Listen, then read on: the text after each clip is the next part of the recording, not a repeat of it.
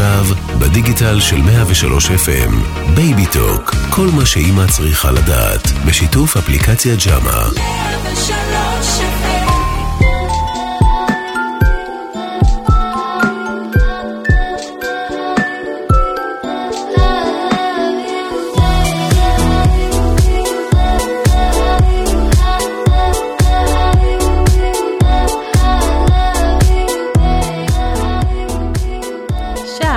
לכולן, כאן מאיה דיין שלו, מייסדת אפליקציית ג'אמה, ואנחנו Baby Talk ב-103 FM. בפרק של היום נדבר קצת על מה עובר עלינו בתוך מסע ההורות שלנו, נדבר על טעויות בהורות ורגשות אשמה. נוגה הילה מוטנה, המהממת, הגיעה להתארח אצלנו היום. נוגה, מה שלומך? בסדר גמור. איזה כיף שאת כאן איתנו. נוגה היא קודם כל נשואה ללירון, אימא של איתי בן 6 ויאלי בת 4, אבל היא גם מדריכת הורים ומשפחה, מנחת NLP, דמיון מודרך, משלבת כלים מעולם החינוך, האימון והרוח בגישה של תקשורת מקרבת. נוגה מלווה אותנו כבר הרבה זמן בג'אמה, בתכנים, בסרטונים, בכתבות שאת עושה איתנו.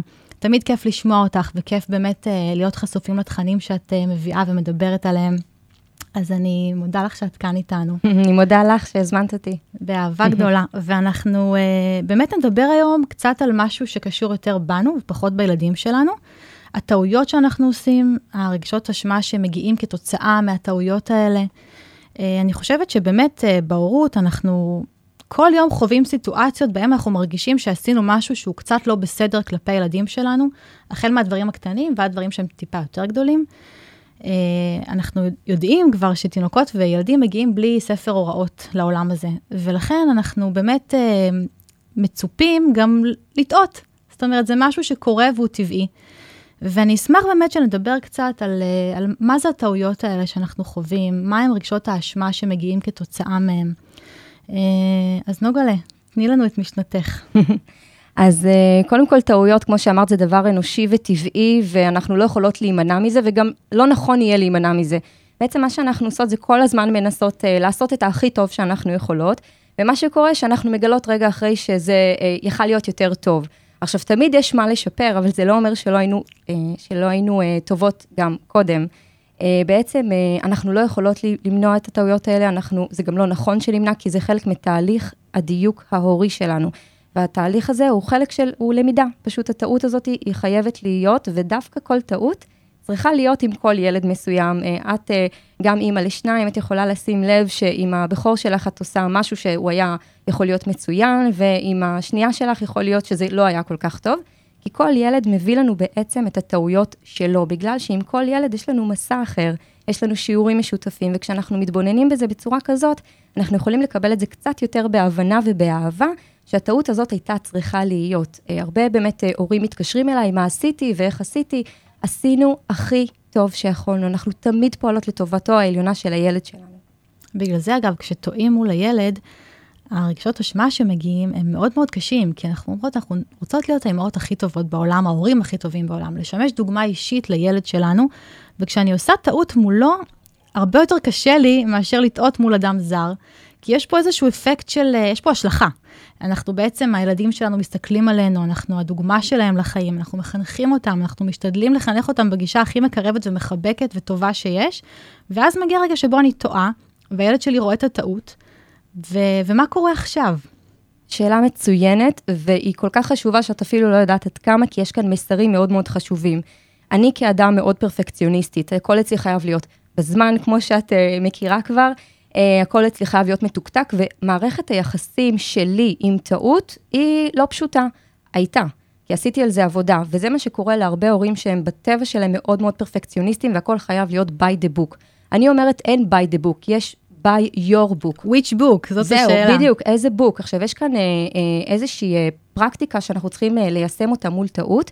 פה אני ממליצה בעצם לנסות לטעות בדברים קטנים, כדי אה, לראות איך אני חווה אחר כך את, ה, את חוויית האחרי, וככה אני יכולה בעצם להרחיב את טווח הטעות שלי, ולהרגיש אם זה בסדר, אני כבר אסביר. ממש תרגיל. ממש פה... תרגיל, ממש תרגיל של אימון, כי בעצם הטעות היא מייצרת בי איזשהו רגש, ואני צריכה להתאמן על התחושה הזאת של הרגש. עכשיו, אני עשיתי את זה כי אני, כמו שאמרתי, מאוד פרפקציוניסטית, ומה שקרה, שהעברתי את זה גם לבן שלי. אסור לטעות. עכשיו, זה לא מסר כל כך חיובי, כי כל בני אדם טועים. ואז מה שקורה, שטעיתי איתו בכוונה, ביחד איתו, והראיתי לו איך אני אל מול הטעות הזאת, אוי, טעיתי, טוב, לא נורא, תכף נמצא פתרון אחר. כאן אני מלמדת את הילד שלי אה, גמישות קוגנטיבית, שזה אחד המפתחות, אגב, אה, מההצלחה. כי כל, הנח, כל, כל הדרך שלנו היא רצופה בטעויות, ואם אנחנו לא ננסה, אנחנו לא נטעה ולא נוכל לדייק את עצמנו. אז כאן בעצם במקום הזה, אה, אני מלמדת את הילד שלי איך להתמודד עם האחרי. ואז מה שדיברת עליו זה המסר. מה אני מלמדת את הילד שלי? אני מלמדת אותו שאני אנושית. אני מלמדת אותו שהוא בן אדם. והילדים שלי כבר מדקלמים. כל בני האדם טועים, וגם אני בן אדם. מקסים. וזה המסר שאני רוצה להעביר להם. לא לא לטעות, אלא איך לטעות ולקבל את זה באהבה ובחמלה, שזה חלק מהדרך. זאת אומרת שזה בסדר להראות לילד שלנו, לילדים שלנו, שגם אנחנו ההורים טועים. וזה לגיטימי וזה נכון. אפילו לאמן אותם בזה. זאת אומרת... תני לנו דוגמה בחיי היום-יום לילדים בטווח של גילאים 0 עד 3. כי זה תינוקות קטנים, אנחנו מדברים פה על ילדים בני חודש ועד שלוש. נכון, יש כאן בעיקר את חוויית התסכול. זאת אומרת, מדברת על טעות של ילד או טעות שלנו? אני מדברת על טעות שלנו מול הילד, וגם טעות, תראי, אי אפשר לטעות כל כך בגיל הזה, אולי לקראת גיל שנתיים-שלוש, תוך כדי משחק, הם נורא תמימים. אבל טעות שלנו מול הילד אוקיי. שלנו. אז קודם כל, לפני שאני אתן את הדוגמה, אני רוצה לתת הגדרה אחרת לטעות. טעות זה יצירת מציאות חדשה שיצרנו. זאת אומרת, זה איזושהי עליית מדרגה, שעכשיו יש לנו איזשהו סטטוס חדש, שאנחנו יודעים יותר מאשר שידענו רגע קודם. מקסים. אוקיי, אז יש לנו בעצם את, ה, את הידיעה, שאוקיי, עכשיו אני חכם יותר מלפני דקה, ועכשיו אני יכול לעשות את הדברים יותר טוב. אה, אז אה, למשל, אה, עכשיו, עוד דבר לגבי טעות, שטעות היא בעצם מוגדרת לגבי, יש דרך מסוימת. עכשיו, מה הדרך? מה שטוב לך, טוב לי? מה שטוב לגיסתי, לחמותי, לאימא שלי, טוב לי? זאת אומרת, יש כל מיני טעויות שלמשל, אה, אה, זאת אומרת, מי מגדיר מה זה טעות? אם יש לי אה, חברה שהיא החליטה ללכת ללמוד, וחמות, ו- ולהתפתח, וככה לפתח את עצמה, ו- וחמותה לא עשתה את זה, אז חמותה תגרום לה, יכול להיות להרגיש שהיא עושה משהו לא בסדר, כי איך היא, עכשיו זה טרמינולוגיה, במרכאות אני עושה, עוזבת את הילד שלה והולכת ללמוד, או הולכת לעבוד. כן. עכשיו, הטרמינולוגיה הזאת היא מאוד מאוד משמעותית. מה שאנחנו נגיד לעצמנו, ככה נרגיש. אם אני אגיד לעצמי, וואי, איזה אימא נוראית אני ומה עשיתי, אני פשוט אלך עם זה. אבל אם אני אגיד לעצמי, אני מעבירה מסר לילדים שלי שאני עושה מה שאני אוהבת. ביום המשפחה, אה, אני מעבירה הרצאות בגנים, והיה לי אה, שנה שהיו לי ממש עשרה גנים. וכל הזמן חשבתי לעצמי, איך ביום המשפחה, שבוע שלם, אני עוזבת את הילדים שלי במקום להיות איתם, ואני מלמדת הורים אחרים. אבל זה סימבולי ביום המשפחה. זה כזה אבסורד. כן. ואז אני אומרת, לא, אני צריכה להיות שלמה עם זה, כי אני מעבירה מסר לילדים שלי שאימא עושה מה שהיא אוהבת. וכשהילדים שלי יגדלו, יגדלו, הם פשוט יוכלו לעשות מה שהם אוהבים, כי הם קיבלו דוגמה לזה. וגם אם טעיתי, איך אני מתמודדת עם הטעות הזאת? עד כמה אני לוקחת אותה קשה? עד כמה העולם קורס? או האם אני באיזושהי חמלה שעשיתי כמיטב יכולתי? אז מה שאני לוקחת מהדברים שלך זה קודם כל שהקונוטציה השלילית על המילה טעות היא לא בהכרח נכונה. זאת אומרת, להסתכל על חצי הכוס המלאה, מה שנקרא, והטעות הזאת היא משהו שמקדם אותי בתוך התהליך שבו אני נמצאת, אה, והיא גם טעות היא משהו סובייקטיבי. זאת אומרת, מה שנתפס בעיני מישהו כטעות, בעיני אחר זה, זה לא טעות, אה, וצריך להסתכל עליה מכל הצדדים, נכון. ולהתקדם איתה קדימה. נכון. את יודעת, נוגה, יש משהו שאישית מלווה אותי כבר uh, כמעט שנתיים. טעות שאני עדיין מגדירה אותה בגדר טעות שאני עשיתי וחוויתי עם הילד שלי, עם הבן שלי יובל. Uh, ואני מעלה את זה כי זה, הטעות היא טעות והיא קורית פעם אחת, אבל מה שקורה לאחר הטעות זה רגשות האשמה שמגיעים, והם אלה שמלווים אותנו ונשארים איתנו. יש המון שיח, uh, כל פעם זה בא בגלים ובעונות סביב uh, התעללות בגני ילדים, ואנחנו בעצם מפקידים את הילד שלנו לפעוטון, לגן, ולא יודעים באמת מה קורה לו. זאת אומרת, חוץ מהפנים הנחמדות של הגננת והמבנה היפה או פחות יפה של הגן, אנחנו לא באמת יודעים מה קורה כשהדלת נסגרת ואנחנו לא שם. ואם אני הולכת רגע לאחור ואספר את הסיפור, אה, יובל היה בן שנה ושלושה חודשים, וקיבלתי החלטה להכניס אותו לגן. עכשיו, היום אני בכלל יודעת שעצם ההחלטה להכניס לגן, כנראה בשלב שבו הייתי, לא הייתה נכונה לי. אני מבינה היום שהייתי זקוקה איתו לעוד כמה חודשים בבית, כי הוא לא היה בשל, או אני לא הייתי בשלה לזה, ילד ראשון, וביצעתי את ההחלטה הזאת תחת כל מיני רעשי רקע מסביב. זו טעות מספר אחת בסיפור. הטעות השנייה היא שהכנסתי אותו למסגרת אה, מסוימת, שהייתה מפוקחת, אה, והסיבה שהכנסתי אותו לשם זה כי באותה תקופה היו באמת התעללויות וסערה תקשורתית, ונושא הפיקוח מאוד הרגיע אותי, ואמרתי, אוקיי, הוא ייכנס לגן מפוקח ולא יקרה פה כלום, וזה גן מעולה והכל בסדר. והוא נכנס ב-1 לספטמבר, וההסתגלות עברה נהדר, ויום עם ההורים, ויום שני עם ההורים, וכשהוא איתי הכל נהדר, ומגיע היום השלישי, הרביעי והחמישי להסתגלות, ואני רואה שהילד בוכה בכי תמרורים, בכי שבעיניי לא לגיטימי. עכשיו, זה בסדר שילד בוכה, וזה תהליך שהוא טבעי בתוך הסתגלות. השאלה היא איזה מענה מקבל הילד לאותו בכי. ואני מטבעי אה, כמובן לא סומכת, וכמוך פרפקציוניסטית, ונשארת להאזין אה, מחוץ לכותלי הגן, ושומעת בכי של הבן שלי ספציפית, הוא גם בכה בכי ספציפי, הוא בדיוק למד לדבר, והוא אמר, אבא, הוא היה בוכה, אבא, אבא, אבא. בכי קורע לב שלא נגמר. ואני לא מדברת על דקה או שתיים, אני מדברת פה על 20, 30, גם 40 דקות. עכשיו, אני באמת אימא צעירה, לא היו לי מעולם ילדים, וכל קולות הרקע מסביב אמרו לי, מאיה, זה ממש בסדר, הוא אמור לבכות, ככה בוכים, ובכל פרידה לידיים של הגננת, של המטפלת, הוא כמעט קרע לי את החולצה, הוא לא רצה להישאר שם. ואני, א', כועסת על עצמי שלא הייתי מספיק קשובה לעצמי באותה סיטואציה, להבין שכנראה הגן הזה, חלילה לא קרה בו שום התעללות עד כמה שאני יודעת, אבל משהו לא היה נכון שם במענה, בחוסר מענה שהם נתנו לבכי. ילדים בכו שם המון ולא קיבלו מענה. Uh, ופה דווקא נקודת זכות לטובת בן זוגי, שניני, שבאמת uh, ביום שהוא uh, לקח את יובל לגן וראה את הפרידה קורעת הלב, הוא אמר, אני מצטער מאוד, משהו פה לא בסדר. אני, הילד שלי לא יישאר פה, גם אם זה על חשבון שלא יהיה בגן. באמת מאותו יום הוא, הוא קיבל את ההחלטה, ואני מודה לו עד היום שהוצאנו את יובל מהגן הזה. לימים הוא עבר לגן אחר, מדהים, הסתגלות מדהימה, גם פה היה בכי, אבל היה פה מענה לבכי. אה, וצוות מדהים, והמשכנו שם שנתיים. אבל לקח, לקחה תקופה מאוד ארוכה עד שיובל יצא מהטראומה הזאת של אותו גן, שהוא היה בו בקושי חודש, אבל זה היה תהליך שהוא היה מאוד משמעותי, ואני הרגשתי, ועד היום מרגישה, מאוד רע, שעשיתי את זה לילד שלי, ונתתי לו לעבור את החוויה הראשונה של להיכנס לגן כחוויה לא טובה, בגן שלא התאים לו, וזה משהו שאני באמת לא ממש מצליחה להשתחרר ממנו עד היום. אוקיי, okay, אז בואי נעזור לך להשתחרר מזה היום. יאללה. אוקיי, okay, אז קודם כל, באמת, אה, אה, ליבי היה איתך, ממש יכולתי לראות את כל הסיטואציה ולהרגיש אותך מחוץ לגן, ואפילו כמעט, אה, ככה הרגשתי את כל הבטן מתהפכת, אז באמת אני מאוד אה, מתחברת אה, לרגשות שלך. אה, אני אתחיל ממשהו שאמרת, הקשבתי ל... היו הרבה רעשי רקע. עכשיו, מה שקורה אה, בדרך כלל לאימהות צעירות, אה, שיש המון המון עצות מהסביבה.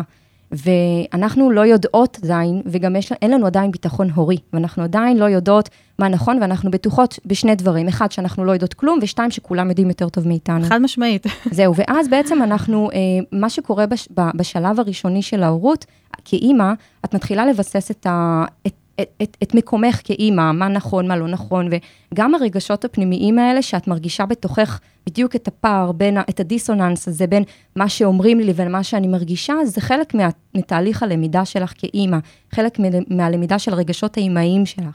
אז קודם כל, אה, כאימא צעירה, כמו הרבה אימהות צעירות שאין להן את הביטחון הזה, את בעצם הקשבת למה שאומרים לך מסביב. אוקיי? אז קודם כל, זה, זה היה מיטב יכולתך mm-hmm. באותו זמן. אחר כך אני מאמינה שבגלל שאת יודעת שיש בך פרפקציוניזם וכל כך חשוב לך, וזה הילד שלך וזה הילד הראשון שלך, עשית את כל הבדיקות הנדרשות, עברת גן-גן, בדקת בכל רשתות החברתיות, עשית את הבדיקות האלה? לגמרי. מעולה. אז מבחינתך, כשאת הבאת אותו לגן, את עשית 100% שלך. לא יכולת לעשות 101. עשית 100% ממה שהיה לך. את בדקת, את שאלת, את התייעצת, את לא הרגשת עם זה בנוח, הלכת לאנשים, הם חיזקו אותך בהחלטה הזאת. זאת אומרת, עשית מה שיכולת. אחר כך, הדבר הבא שעשית זה להקשיב ולבדוק את עצמך, ובדקת ובדקת, ועוד פעם, הרגשת משהו, ואז גם שיתפת את בן זוגך, וגם הוא בעצם, כצוות, אז פעלתם. זאת אומרת, לא נתת לזה גם להימשך יותר מדי, מדי זמן. נכון. אז מבחינתך, את צריכה לדעת שעשית מה שיכולת. אם היית יכולה לעשות יותר טוב, היית עושה?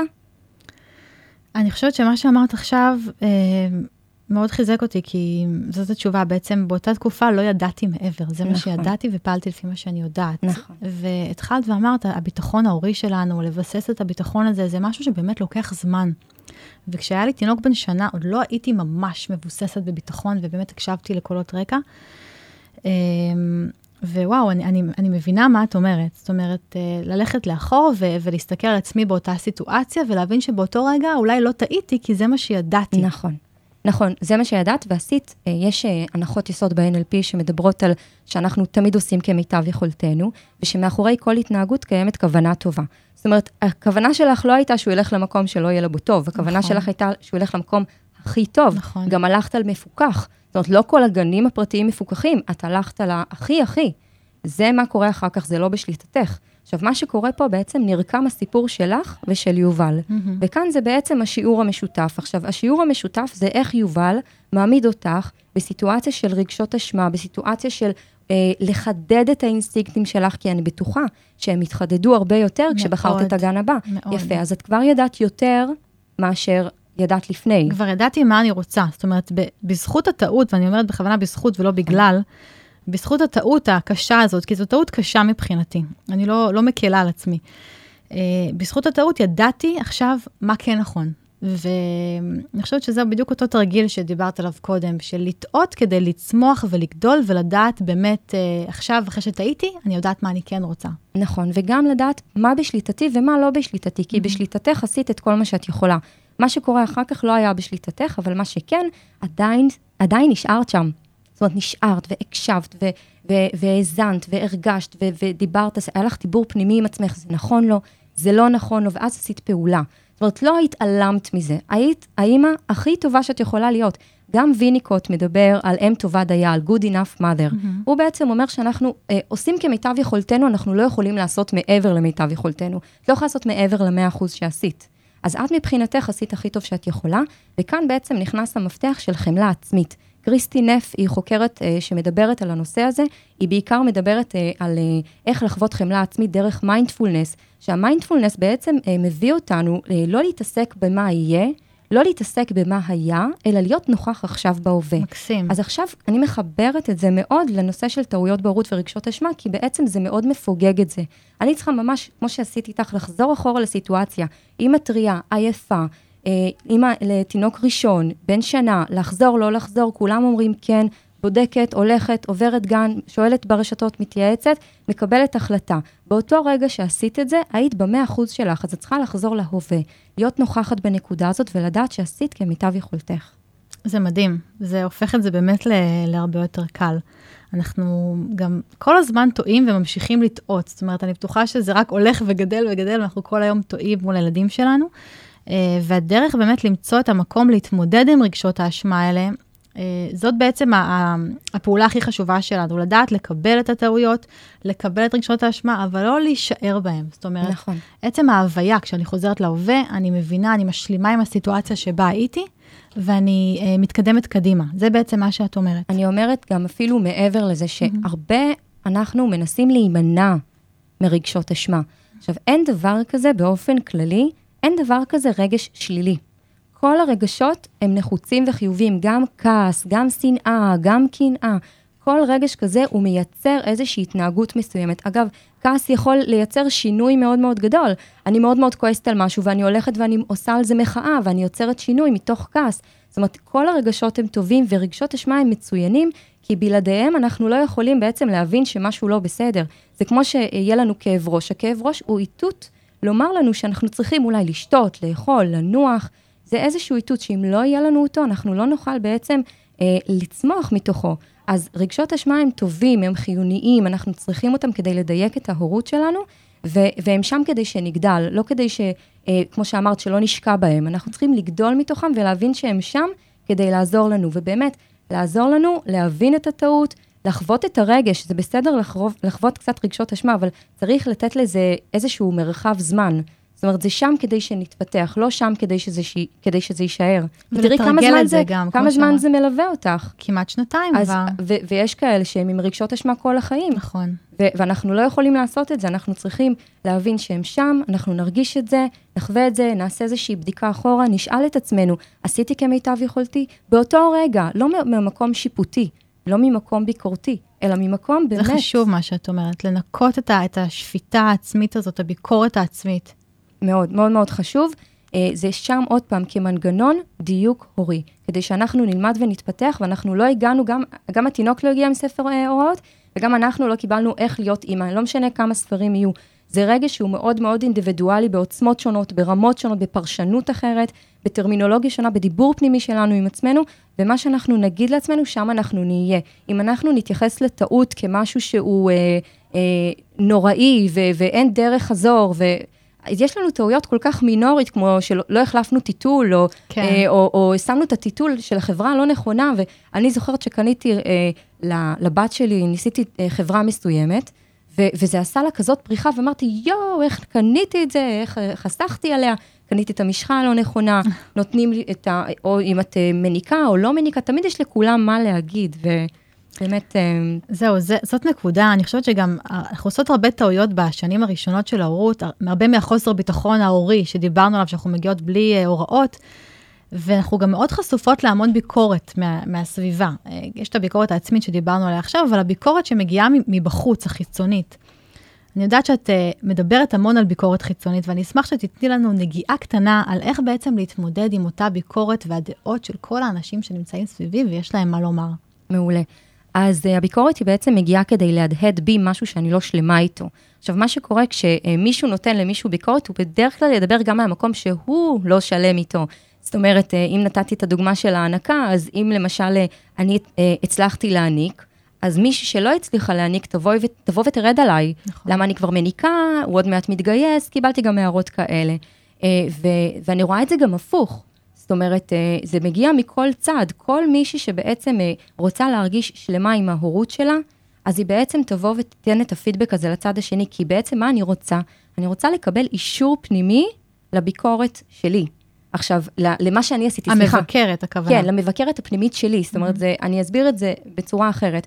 אם אני נותנת uh, לך ביקורת על משהו, uh, אני רוצה בעצם להרגיש למה עם, עם עצמי, כי אני עשיתי ההפך.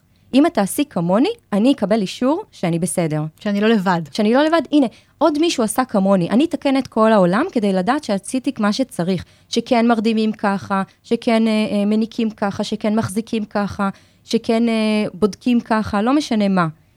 אני רוצה לקבל אישור לבחירות ההוריות שלי דרך הביקורת של האחר. עכשיו, כשאני יודעת את זה עליי, ואני יודעת את זה מבחוץ, קל יותר להתמודד. כשמישהו יבוא ויגיד לי משהו, אם זה ייגע בי, זה גם שלי.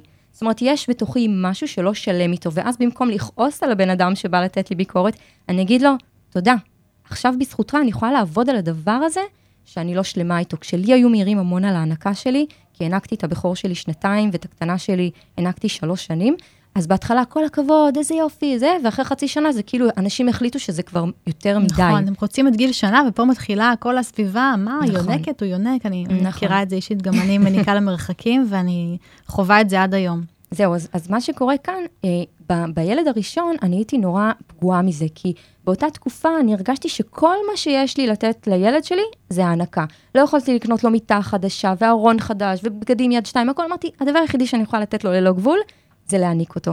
ואז מה קרה? אני הנחתי את כל הגדרת האימהות שלי על ההענקה, והרגשתי שכאילו לוקחים לי את זה, ואז אני כלום. לוקחים לך את האימהות בעצם. כן, לוקחים לי את האימהות, כי אני הגדרתי את זה. עכשיו, ברגע שאני עשיתי עם עצמי עבודה, ואמרתי, רגע, למה אני נפגעת מזה? ואז הבנתי, אני לא רק זה, אני הרבה יותר מזה.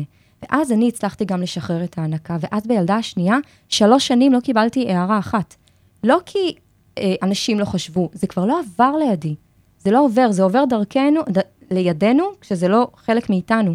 אני כבר הייתי הרבה יותר בטוחה בהורות שלי, שזה מה שקורה הרבה פעמים בילד השני. Uh, הציפייה לקבל את הביטחון ההורי בילד הראשון היא, היא לא תמיד ריאלית. עוד פעם, אנחנו צריכים להבין שאין דבר כזה אידיאל ואין דבר כזה שלמות. יש דבר כזה, uh, אם טובה דייה, good enough mother, ואנחנו כל הזמן עושות כמיטב יכולתנו, וההתמודדות עם הביקורת היא גם חלק מהעניין. אם זה פגע בי, זה גם שלי, בואו נעשה עם זה עבודה, נבדוק מה, מה זה, במה זה נגע, ואם זה לא נגע בי, אני כבר יודעת שזה הטסט שלי, שזה כבר לא חלק ממני. נוגה, מה שאני אוהבת בך, זה שאת תמיד נותנת את הכלים הפרקטיים לאיך להתמודד בסיטואציות הרוחניות האלה. את משלבת בין רוח לפרקטיקה, וזה משהו שאני אישית מאוד מאוד אוהבת. אני מודה לך שהיית איתי היום, והיה לי כיף לשוחח איתך. אני רוצה לספר למאזינות שלנו ולמאזינים שלנו שאת הפרק הזה ניתן לשמוע, אה, להאזין לו אה, בדיגיטל של 103 FM, וכמובן באפליקציה ג'אמה, ולמצוא גם אותך, נוגה, ביחד עם המון מומחים ומומחיות בתחום ההורות. נוגה נמצאת באפליקציה, בכתבות, בסרטונים, בייעוצים אישיים, אה, בקורס אונליין מדהים שמדבר על הורות, ונתראה בפרק הבא. איזה כיף, תודה רבה. להתראות. ביי ביי.